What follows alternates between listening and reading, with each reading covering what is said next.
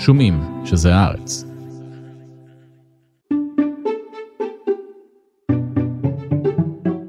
היי, זאת רחל.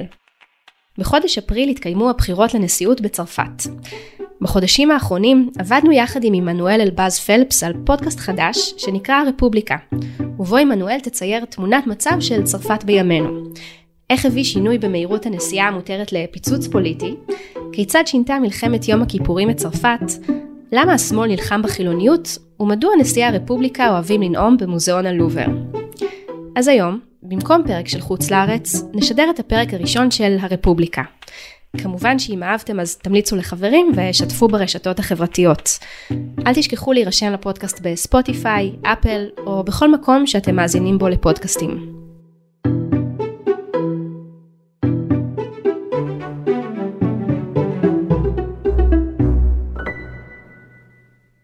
אם גדלתם בישראל, הדברים הבאים יכולים להישמע לכם מוזרים, אולי אפילו קיצוניים.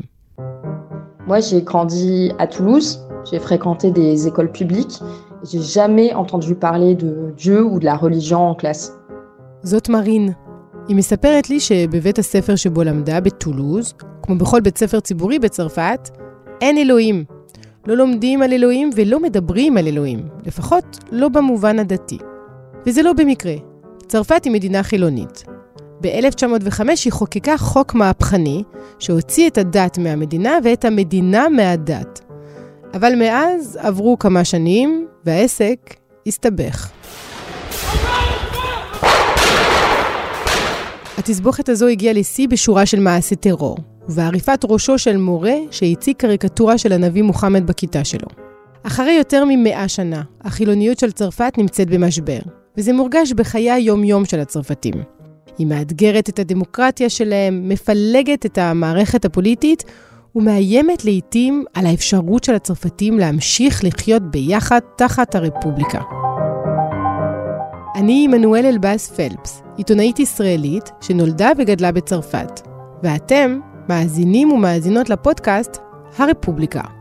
נדבר פה על מה שמעניין וחשוב לדעת לקראת הבחירות לנשיאות שהתקיימו באפריל. בכל פרק אני משוחחת עם מומחים שיעזרו לנו להבין ולהכיר טוב יותר את צרפת, את הצרפתים ואת הצרפתיות.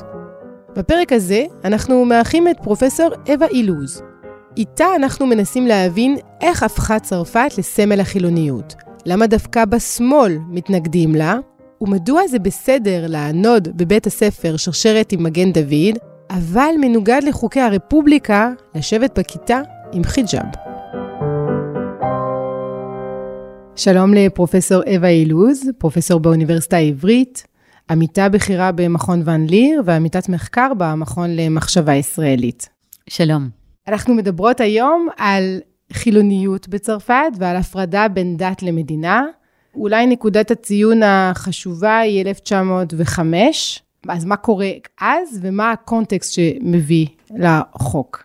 קודם כל אני רוצה להגיד שחילוניות או הפרדת דת ומדינה, יש, זה לא אותו דבר כמו אה, הצהרה של אתאיזם, נניח מה שהיה בברית המועצות לשעבר, ששם היה כמעט אסור להאמין באלוהים. והמשטר של הפרדת בין דת ומדינה, מה שאנחנו קוראים לו חילוניות, זה כמעט ההפך. זאת אומרת, זה משטר שהמטרה המוצהרת שלו זה לאפשר את החופש מצפון ואת החופש האמונה הדתית. אז אה, זה מאוד חשוב אה, להבין שמדינה חילונית היא לא מדינה שמעודדת באופן ישיר חילוניות, בשום פנים ואופן לא. היא רק רוצה להבטיח את זה שהאזרחים מדתות שונות יוכלו להאמין כמו שהם רוצים בדת שלהם. עכשיו, את שואלת אה, שאלה באמת שלה, על הקונטקסט ההיסטורי, שהוביל לכך שצרפת, אולי אחת המדינות בעולם, אם לא המדינה בעולם, שמאמינה בצורה הכי אדוקה במשטר הזה אה, ובחילוניות. אז לפני החוק המפורסם שהזכרת אותו, נדמה לי 9 בדצמבר 1905, היה סוג של אה, קונקורדה, אומרים בצרפתית, זאת אומרת הסכם, שנחתם ב-1801 בין אה, נפוליאון בונפרט והאפיפיור אז פי שבע, שהכיר בדת הקתולית כהדת של הרוב הצרפתי. אם את רוצה סוג של חוק לאום, כמו שיש לנו היום בישראל. צריך להבין שהסיבה לקונקורדה, להסכם הזה, זה מאבק מאוד קשה בין המדינה לבין הכנסייה. הכנסייה הייתה בעלת רכוש כלכלי אדיר ובעלת אה, סמכות פוליטית אדירה. ומה שהמהפכה עושה זה שהיא מנסה להוריד ממנה את הכוח הזה, אבל זה לא נעשה בקלות, בכלל לא. אז 1801, אם את רוצה, זה סוג של אבן דרך אה, בהיסטוריה של 100-150 שנה, עד שבאמת המדינה מצליחה להיפרד מהכנסייה. בתחילת מאה ה-19, כל דיני הישות, אה, נישואים, לידה, אה, קבורה, עוברים למעשה לסמכות המדינה. אני מכירה כמה אנשים בארץ שהיו מקנאים בצרפת של תחילת המאה ה-19. ב-1905, כתוצאה מהמאבקים האלה, לאט לאט הם מתחילים לגבש את הרעיון הזה של הפרדה אה, טוטאלית, ואני אוהבת את המשפט הזה שאריסטיד בריאו, שהיה איש ממשל הצרפתי אז, שניסח גם את החוק, אומר שאני לא רואה את ההפרדה של דת ומדינה כעוינת, אה, החוק הזה כעוין לדת, הוא אומר, אבל הוא אומר, אני רואה את החוק הזה כסוג של אפשרות לשחרר את הכנסייה מהמדינה ולשחרר את המדינה מהכנסייה. אז החוק עובר ב-1905, יש לו שני סעיפים, שני רעיונות, בסעיף הראשון יש שני רעיונות מאוד חשובים. זה זה שכמו שאמרתי קודם, הרפובליקה לוקחת על עצמה את האחריות להבטיח את חופש המצפון של כל האזרחים שלה, ולכן החופש המצפון, וזה צריך להבין, בצרפת הוא אבסולוטי, אבסולוטי, לא ניתן להתווכח איתו בשום צורה.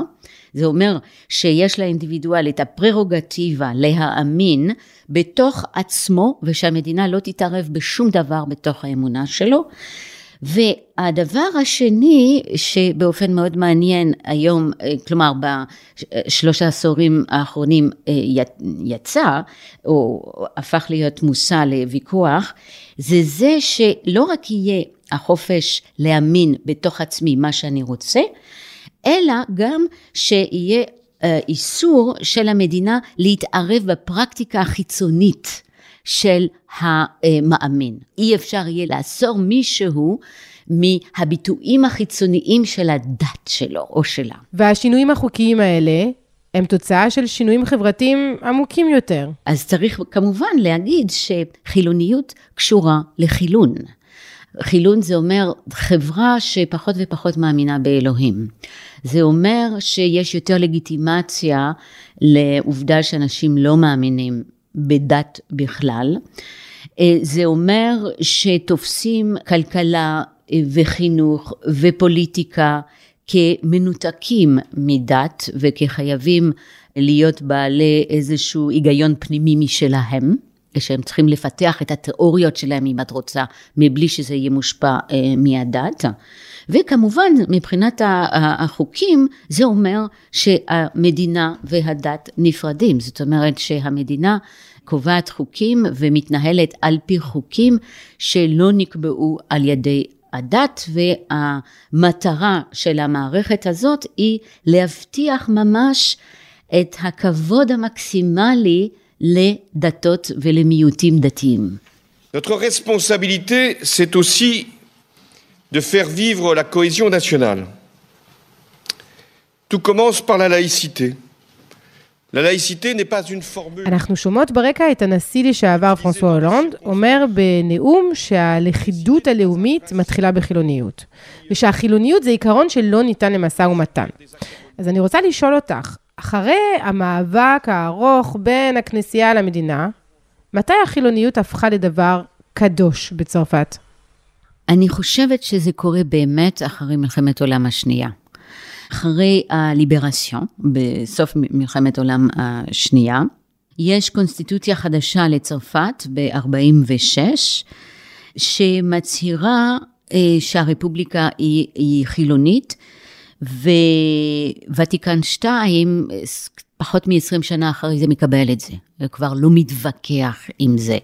אז אני חושבת שאפשר לראות שהחילוניות מקובלת בצרפת, לא רק אה, דרך המוסדות אה, הפוליטיים, אלא גם דרך הכנסייה. כש, כשהכנסייה מקבלת את ההפרדה הזאת, אז ניתן להגיד שלמעשה התהליך הזה הושלם.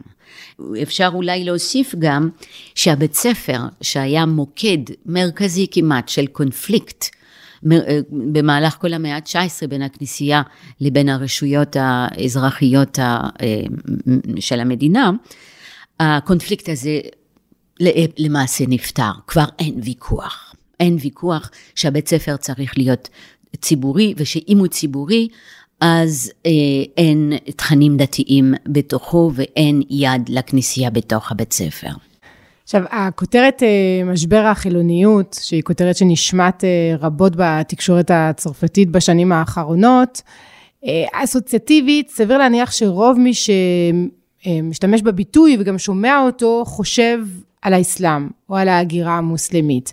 אז לפני שבאמת נגיע לכך ונדבר על סוגיות עכשוויות באמת בצרפת, האם יש קבוצות אוכלוסייה אחרות שמאותגרות או שמאתגרים אותן אה, בתוך הקונספט הזה של חילוניות אה, בצרפת? אולי זה קבוצות אה, מזעריות, כמו אנשים שהם בתוך כתות, אולי. הקתולים והפרוטסטנטים לדעתי לחלוטין שותפים לפרויקט של החילוניות.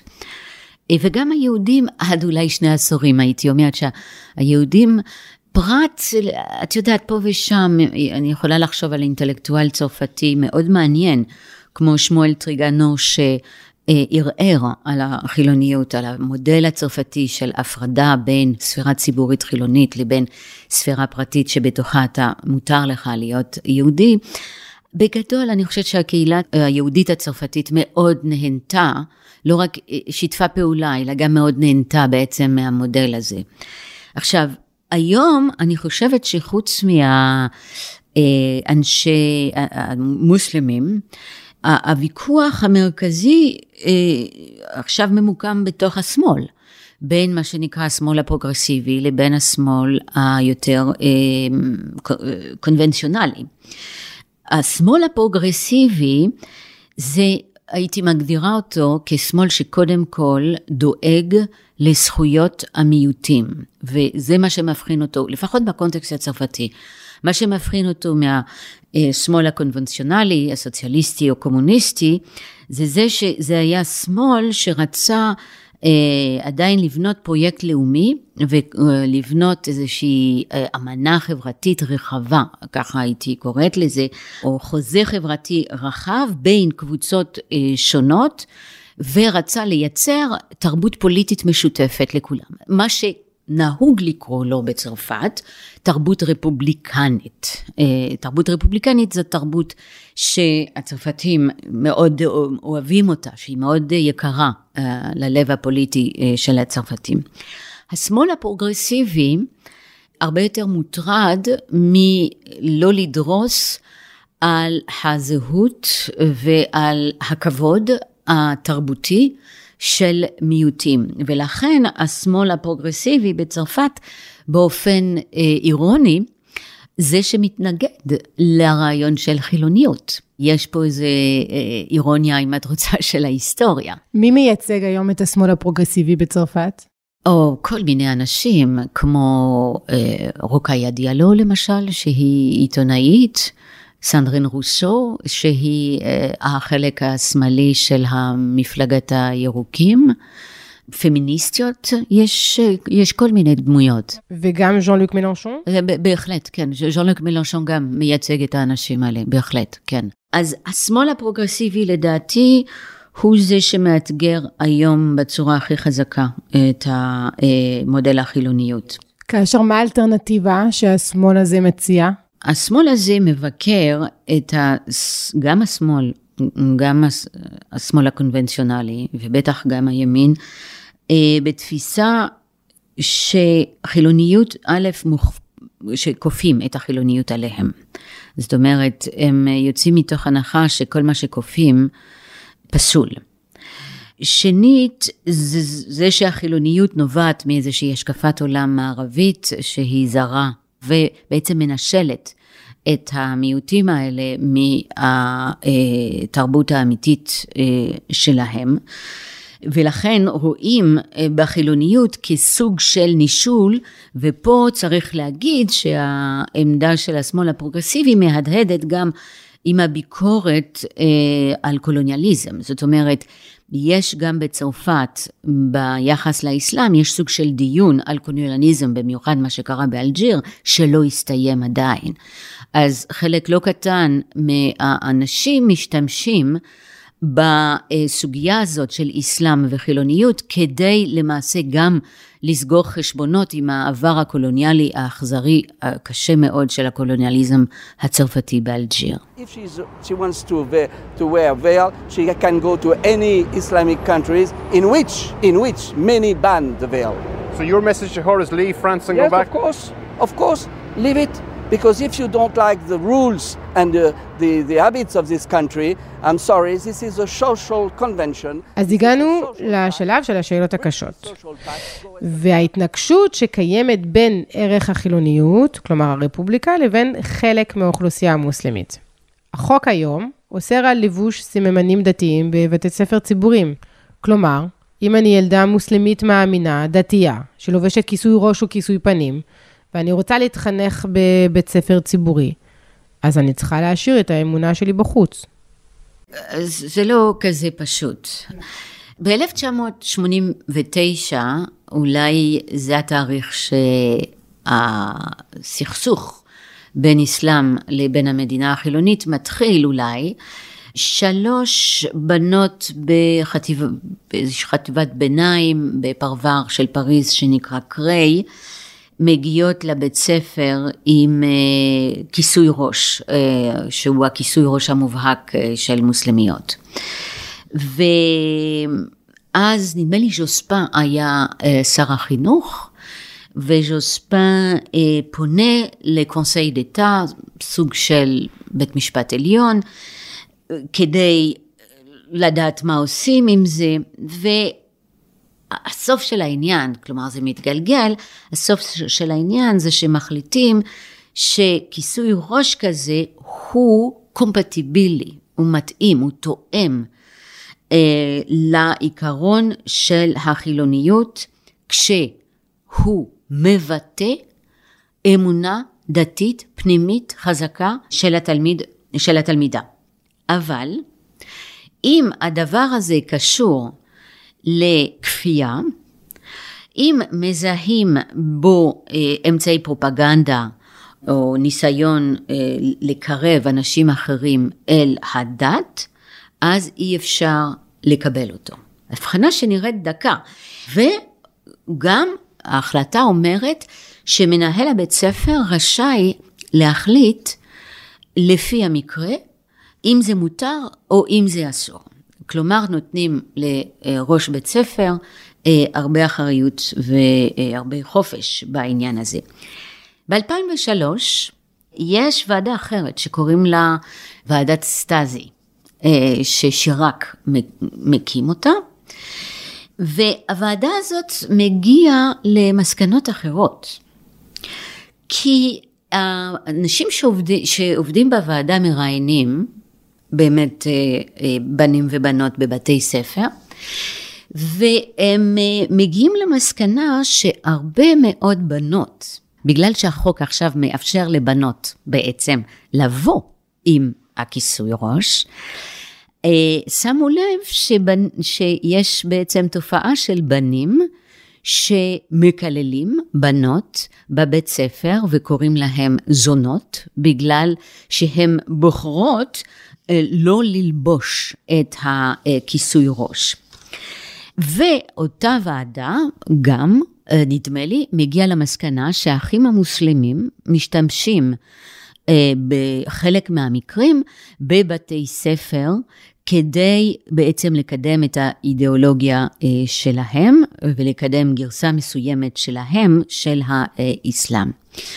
וזאת הסיבה שאחד מהאנשים שהשתתף בתוך הוועדה, זה ההיסטוריון הצרפתי פטריק וייל, הוא היה חלק מוועדת אה, סטאסי, אומר, זאת הסיבה שבגללה הוועדה החליטה על איסור של סממנים דתיים חיצוניים. עם הדיוק הזה, שהסממנים החיצוניים המובהקים אסורים, אבל אם הם דיסקרטיים, אז הם מותרים. אני מניחה, אני מניחה שלמשל פאה, אה, פאה זה נחשב לדיסקרטי. מגן דוד, אני יכולה להעיד, בבית ספר, דיסקרטי לא הפריע לאף אחד אף פעם בשנות ה-80 וה-90, כשגדלתי לא העירו לי. כן, כן, כן. אז אני מניחה שזה היה נכנס לתוך הקטגוריה של סממן דתי חיצוני דיסקרטי. וצריך גם להוסיף שהאיסור הזה הוא תקף אך ורק כמובן לבתי ספר ציבוריים, ושבמקביל מעודדים, מנסים לעודד באמת אה, חינוך פרטי, שבו בנים ובנות מוסלמיות יוכלו ללבוש מה שהם רוצים. ב-91 יש פרשיית בייבילו, מדובר במעון ילדים אה, פרטי, אחד העובדות לובשת, מתחילה ללבוש אה, כיסוי ראש, מוסלמי, ואז מפטרים אותה. אה, מפטרים אותה והיא אה, תובעת את המעון.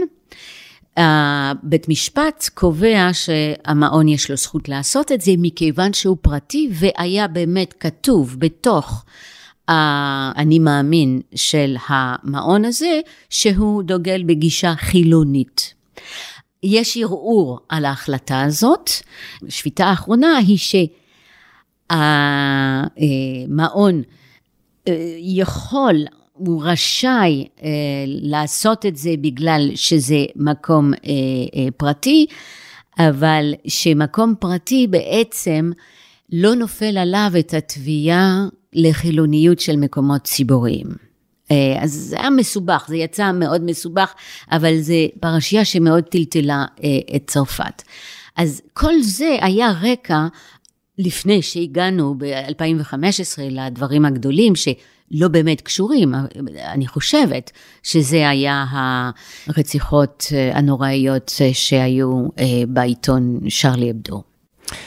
רק אני אוסיף עוד פרשייה של לפני שנתיים, כאש, בערך, כאשר אה, אימא מלווה את הכיתה של, אה, של אחד הילדים שלה באיזה מועצה מקומית, יש דיון, רוצים להראות לילדים בשיעור אזרחות נדמה לי, איך אה, ועדה אה, אזרחית מתנהלת, ואז אה, נציג של החזית הלאומית, עכשיו הפך להיות האיחוד הלאומי, אה, מבקש שהאישה הזאת עם אה, כיסוי הראש, המוסלמית, תצא החוצה, כי אנחנו בכותלי הרפובליקה, לא ייתכן.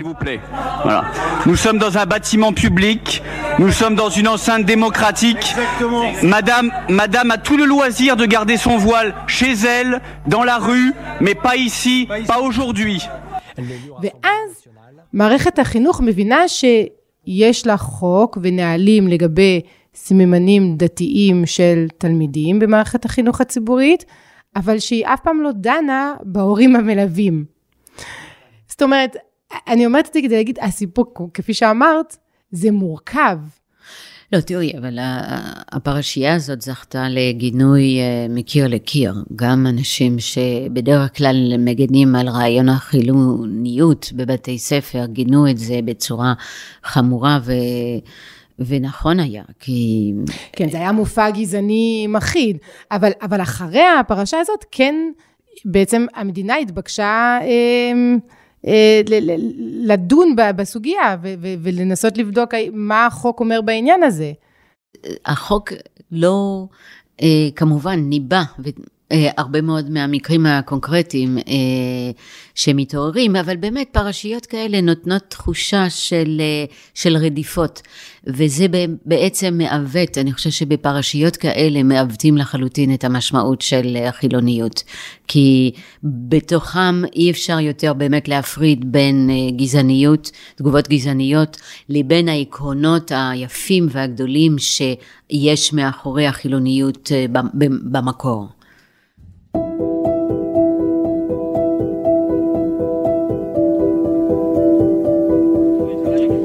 On the streets of this quiet town in the suburbs of Paris, the aftermath of a horrific act of terror. And this is the victim, named as Samuel Paty, a teacher in his 40s. Un de nos concitoyens a été assassiné. One of our countrymen was assassinated. Parce qu'il enseignait, parce qu'il apprenait because he was teaching his students about the freedom of expression, the freedom to believe or not believe. Our compatriot was attacked in a cowardly way and the victim of an Islamist terrorist attack. אמרת שרלי אבדו, הפיגוע הנורא במערכת של העיתון הסאטירי, וקצת כמה שנים אחר כך גם הרצח של המורה סמואל פתי, אה, שמראה בכיתה שלו את הקריקטורות של אה, הנביא מוחמד כדי לדבר, לתת שיעור על אה, חופש ביטוי, והוא גם מציע לתלמידים המוסלמים, לפני שהוא מראה את הקריקטורות, אם ירגישו לא בנוח לצאת החוצה לרגע או לסובב את הראש.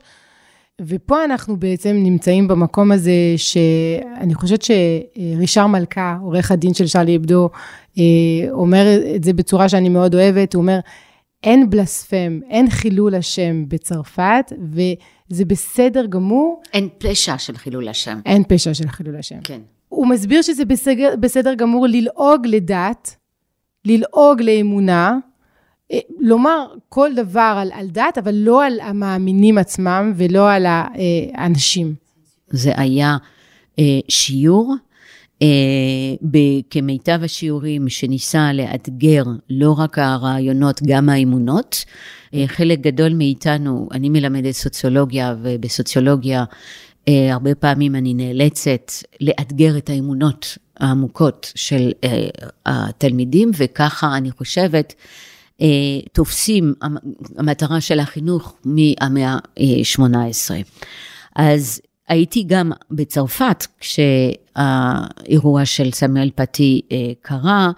אני חייבת להגיד שחוויתי את זה כמו רוב צרפת כשוק מאוד אה, עמוק, ולהגיד שבאיזשהו אופן אולי הגיע לו, אה, בעצם זה תירוץ לאקט ברברי מובהק, שלא, שאסור לדעתי למצוא לו שום תירוץ, אולי אני לא רוצה להסביר אותו ואני לא רוצה לתרץ אותו. לכן אני חושבת שאם מדינה לא יכולה לדסקס את הסתירות אה, שלה ואת הסתירה שיש בין זכויות שונות, למשל זכות החופש אה, הדתי, זכות האמונה הדתית מצד אחד וזכות חופש הביטוי, אז אה, זאת מדינה שבה לא באמת אה, מקיימים את הציווי הדמוקרטי החשוב ביותר. אה, וזה מה שהוא ניסה לעשות. אני חושבת שהוא ניסה להראות, וזה מה שקורה, אני חושבת היום בצרפת, זה שמנסים בעצם לפצח ולהתמודד עם הסתירות שקיימות בין זכויות שונות. אה, ואנחנו היום בשלב הזה בדמוקרטיה. שאם אה, לפני 50 שנה היה נראה שזכויות מסוימות יותר חשובות ובעצם אה, יחידות, היום אנחנו במצב שזכויות שונות סותרות זו את זו, וזה הדילמה, אני חושבת, שצרפת נמצאת בה. אה, ואני רק אוסיף שבשביל אירופה וצרפת במיוחד, לא רק החופש של הדת, אלא החופש מן הדת זה ערך מאוד חשוב, וזה מרכיב מאוד חשוב בזהות הפוליטית והמוסרית שלה.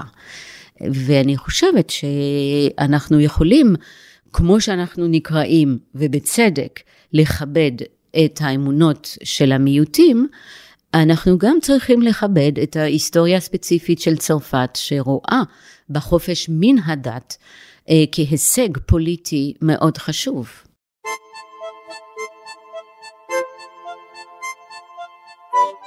ללכת עם חיג'אב לבית ספר ציבורי אי אפשר. וזה אומר שחלק מהציבור המוסלמי המאמין נאלץ לפנות לבתי ספר פרטיים. והנשיא מקרון הציע רפורמות במוסדות המוסלמים בצרפת. אחת מהרפורמות אומרת שיהיה מימון ממשלתי אה, לחלק מהמוסדות המוסלמים. וזה מנוגד לגמרי לחוק החילוניות, שקובע שהרפובליקה לא מממנת אף דת. תראי, מצד אחד הוא לא תואם, אבל מצד שני, אנחנו, זה, החוק, החוק שאת מתייחסת אליו זה החוק על הפירוד, אולי אפשר אה, לתרגם את זה ככה, ללואז של הספרטיסם של 2020. הוא גם עדות לכך שהממשל הצרפתי מנסה לעשות משהו, ואפילו מנסה ללכת כנגד אחד העקרונות החשיבים שלו. עכשיו, הסכנה בזה, אני חושבת, זה שקתולים יתעוררו ויגידו, רגע, למה לא אנחנו? ולכן אני חושבת שצריך להיות מאוד זהיר, ולכן הדבר הזה הוא כל כך מסובך, כי ברגע ש... נותנים משהו לדת אחד, גם אם היא דעת מיעוט, אין שום דבר שמונע מדעת הרוב, אה, אז נדמה לי ש-37 אחוז מצרפתים מזדהים כקתולים, אם אני לא טועה, אה, ו-31 מזדהים כלא דתיים. ועכשיו זה דבר שצריך להיות מאוד מאוד אה, זהירים איתו, אה, והקושי פה זה היחסים בין מיעוט לבין רוב, שזה אולי אחד הנקודות העיוורות הכי קשות של דמוקרטיות בעצם.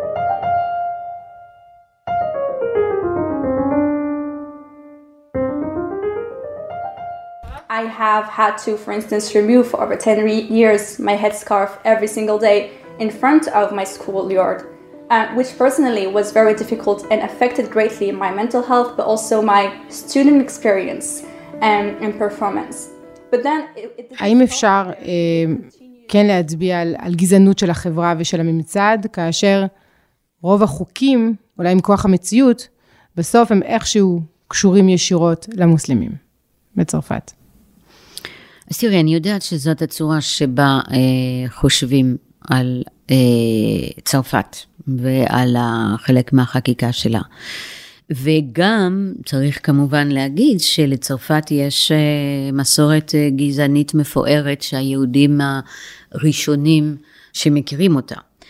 יחד עם זאת, אני חושבת שפה ממש צריך אה, להיזהר. קודם כל, הייתי מבחינה בין גזענות של שליטה או גזענות של, אה, שממש מדרגת גזעים, אה, כמו שראינו באירופה בשנות ה-30 או 40, התיאוריות הגזעניות שהסתובבו באירופה אז, לבין אה, גזענות שהוא יותר ביטוי לחוסר קבלה וסובלנות לשוני, ורצון בעצם לבלוע כביכול אה, לבלוע את האחר ולרצות שהאחר בעצם יהיה דומה לי. אה, יגידו מה שיגידו, זה לא אותה גזענות. אני לא חושבת אה, שהן מהוות את אותה סכנה לקבוצה שהיא מופנית כלפיהם. כי הגזענות הראשונה היא נראית לי יותר מבוססת על סוג של גועל, דיסגסט ובוז ופחד ושנאה מאוד עמוקים. אה, והגזענות השנייה היא, היא, היא נובעת, כמו שאמרתי, יותר מהחוסר יכולת לקבל את האחר בשוני שלו, אה, ולאו דווקא מסתובבת עם איזשהו דירוג אה, בראש, אני חושבת שהיא רק רוצה שזה יהיה הומוגני, שהחברה תהיה הומוגנית. אבל גם מהפחד שהאחר ישנה אותי. זה נכון, כן, זה בהחלט, אה, זה בהחלט קיים בתוך החברה הצרפתית. אז, אז, אז קודם כל רציתי רק להגיד את זה, שאני חושבת שהתגובות האנטי, נגד אסלאם, מכילות את שני הסוגים האלה של גזענות. הם לא דומים אחד לשני. אני נוטה לחשוב שאנשים שמצביעים לזמור הם כאלה שמסתובבים עם תפיסות של גזעניות מהסוג מספר אחד שמיניתי. אני רוצה לחשוב שחלק מהאנשים שעושים חקיקה, מה שמניע אותם זה יותר הרצון שתהיה רפובליקה ושיהיה איזושהי תרבות אה, פוליטית ואזרחית משותפת והומוגנית לכולם. זה לא, זה עוד פעם, זה לא אותו דבר. אה, עכשיו, אני רוצה להגיד גם משהו, אה, נקודה שנייה, זה שהגזענות שהיום קיימת בצרפת, היא גם תוצאה מהתהליכים המורכבים האלה שאנחנו דיברנו עליהם. זאת אומרת, המאבקים האלה גרמו לשני הצדדים להתחפר בתור עמדה אידיאולוגית. זה, זה קצת מה שקורה ברגע שמתחילים לריב על משהו. ולמשל חלק מהשמאל לפני 30 שנה שלא בהכרח היה לה עמדה ברורה על הדבר הזה, חלק גדול ממנה, אני לא חושבת שהיא גזענית, אבל היא התחפרה בתוך עמדה אה, חילונית של חילוניות, שאחרים יכולים להאשים אותה או לראות בה כסוג של אה, גזענות. אבל זה תוצאה מהעובדה שכל אחד היה צריך לקחת עמדה ולהגן על איזושהי תפיסת עולם אה, שלו. ולכן הייתי אומרת שאולי הסכנה זה ש...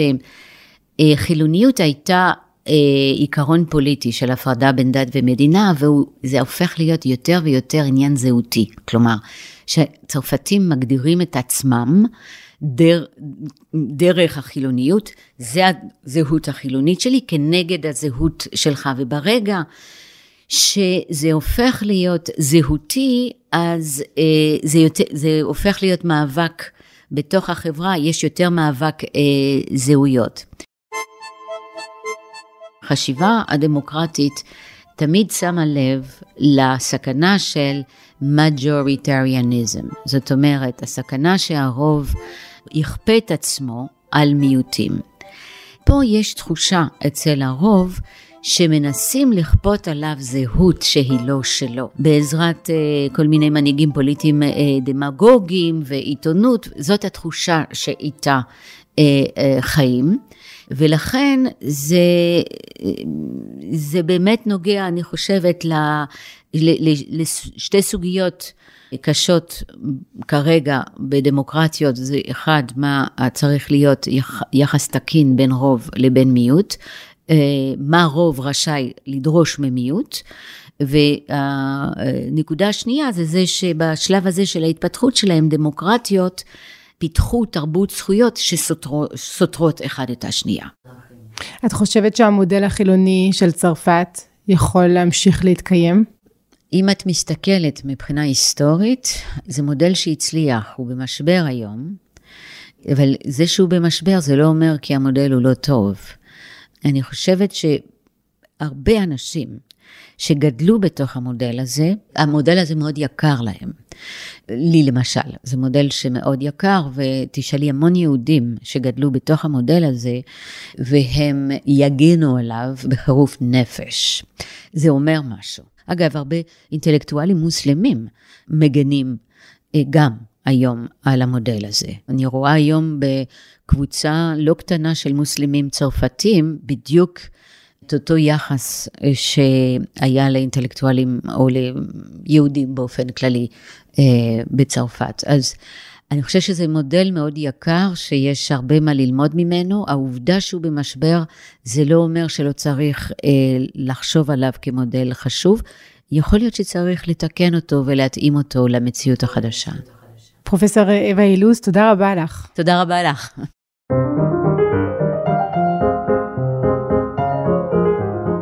עד כאן הפרק הזה של הרפובליקה, הפודקאסט שמנסה להבין את צרפת ואת הצרפתים דרך הבחירות לנשיאות. אני עמנואל אלבאס פלפס, ואם אהבתם את מה ששמעתם, אתם מוזמנים להמליץ עלינו לחברים, לבני משפחה, אנחנו מאוד נשמח להגיע להרבה נשים ואנשים. את הפודקאסט הזה אתם יכולים למצוא באתר ובאפליקציה של הארץ, ובכל מקום בו אתם מאזינים לפודקאסטים. תודה לעורך הפודקאסט אסף פרידמן, למפיק אמיר פקטור, לעורך הסאונד יונתן מנייביץ' ולעורכת הפסקול שני אבירם.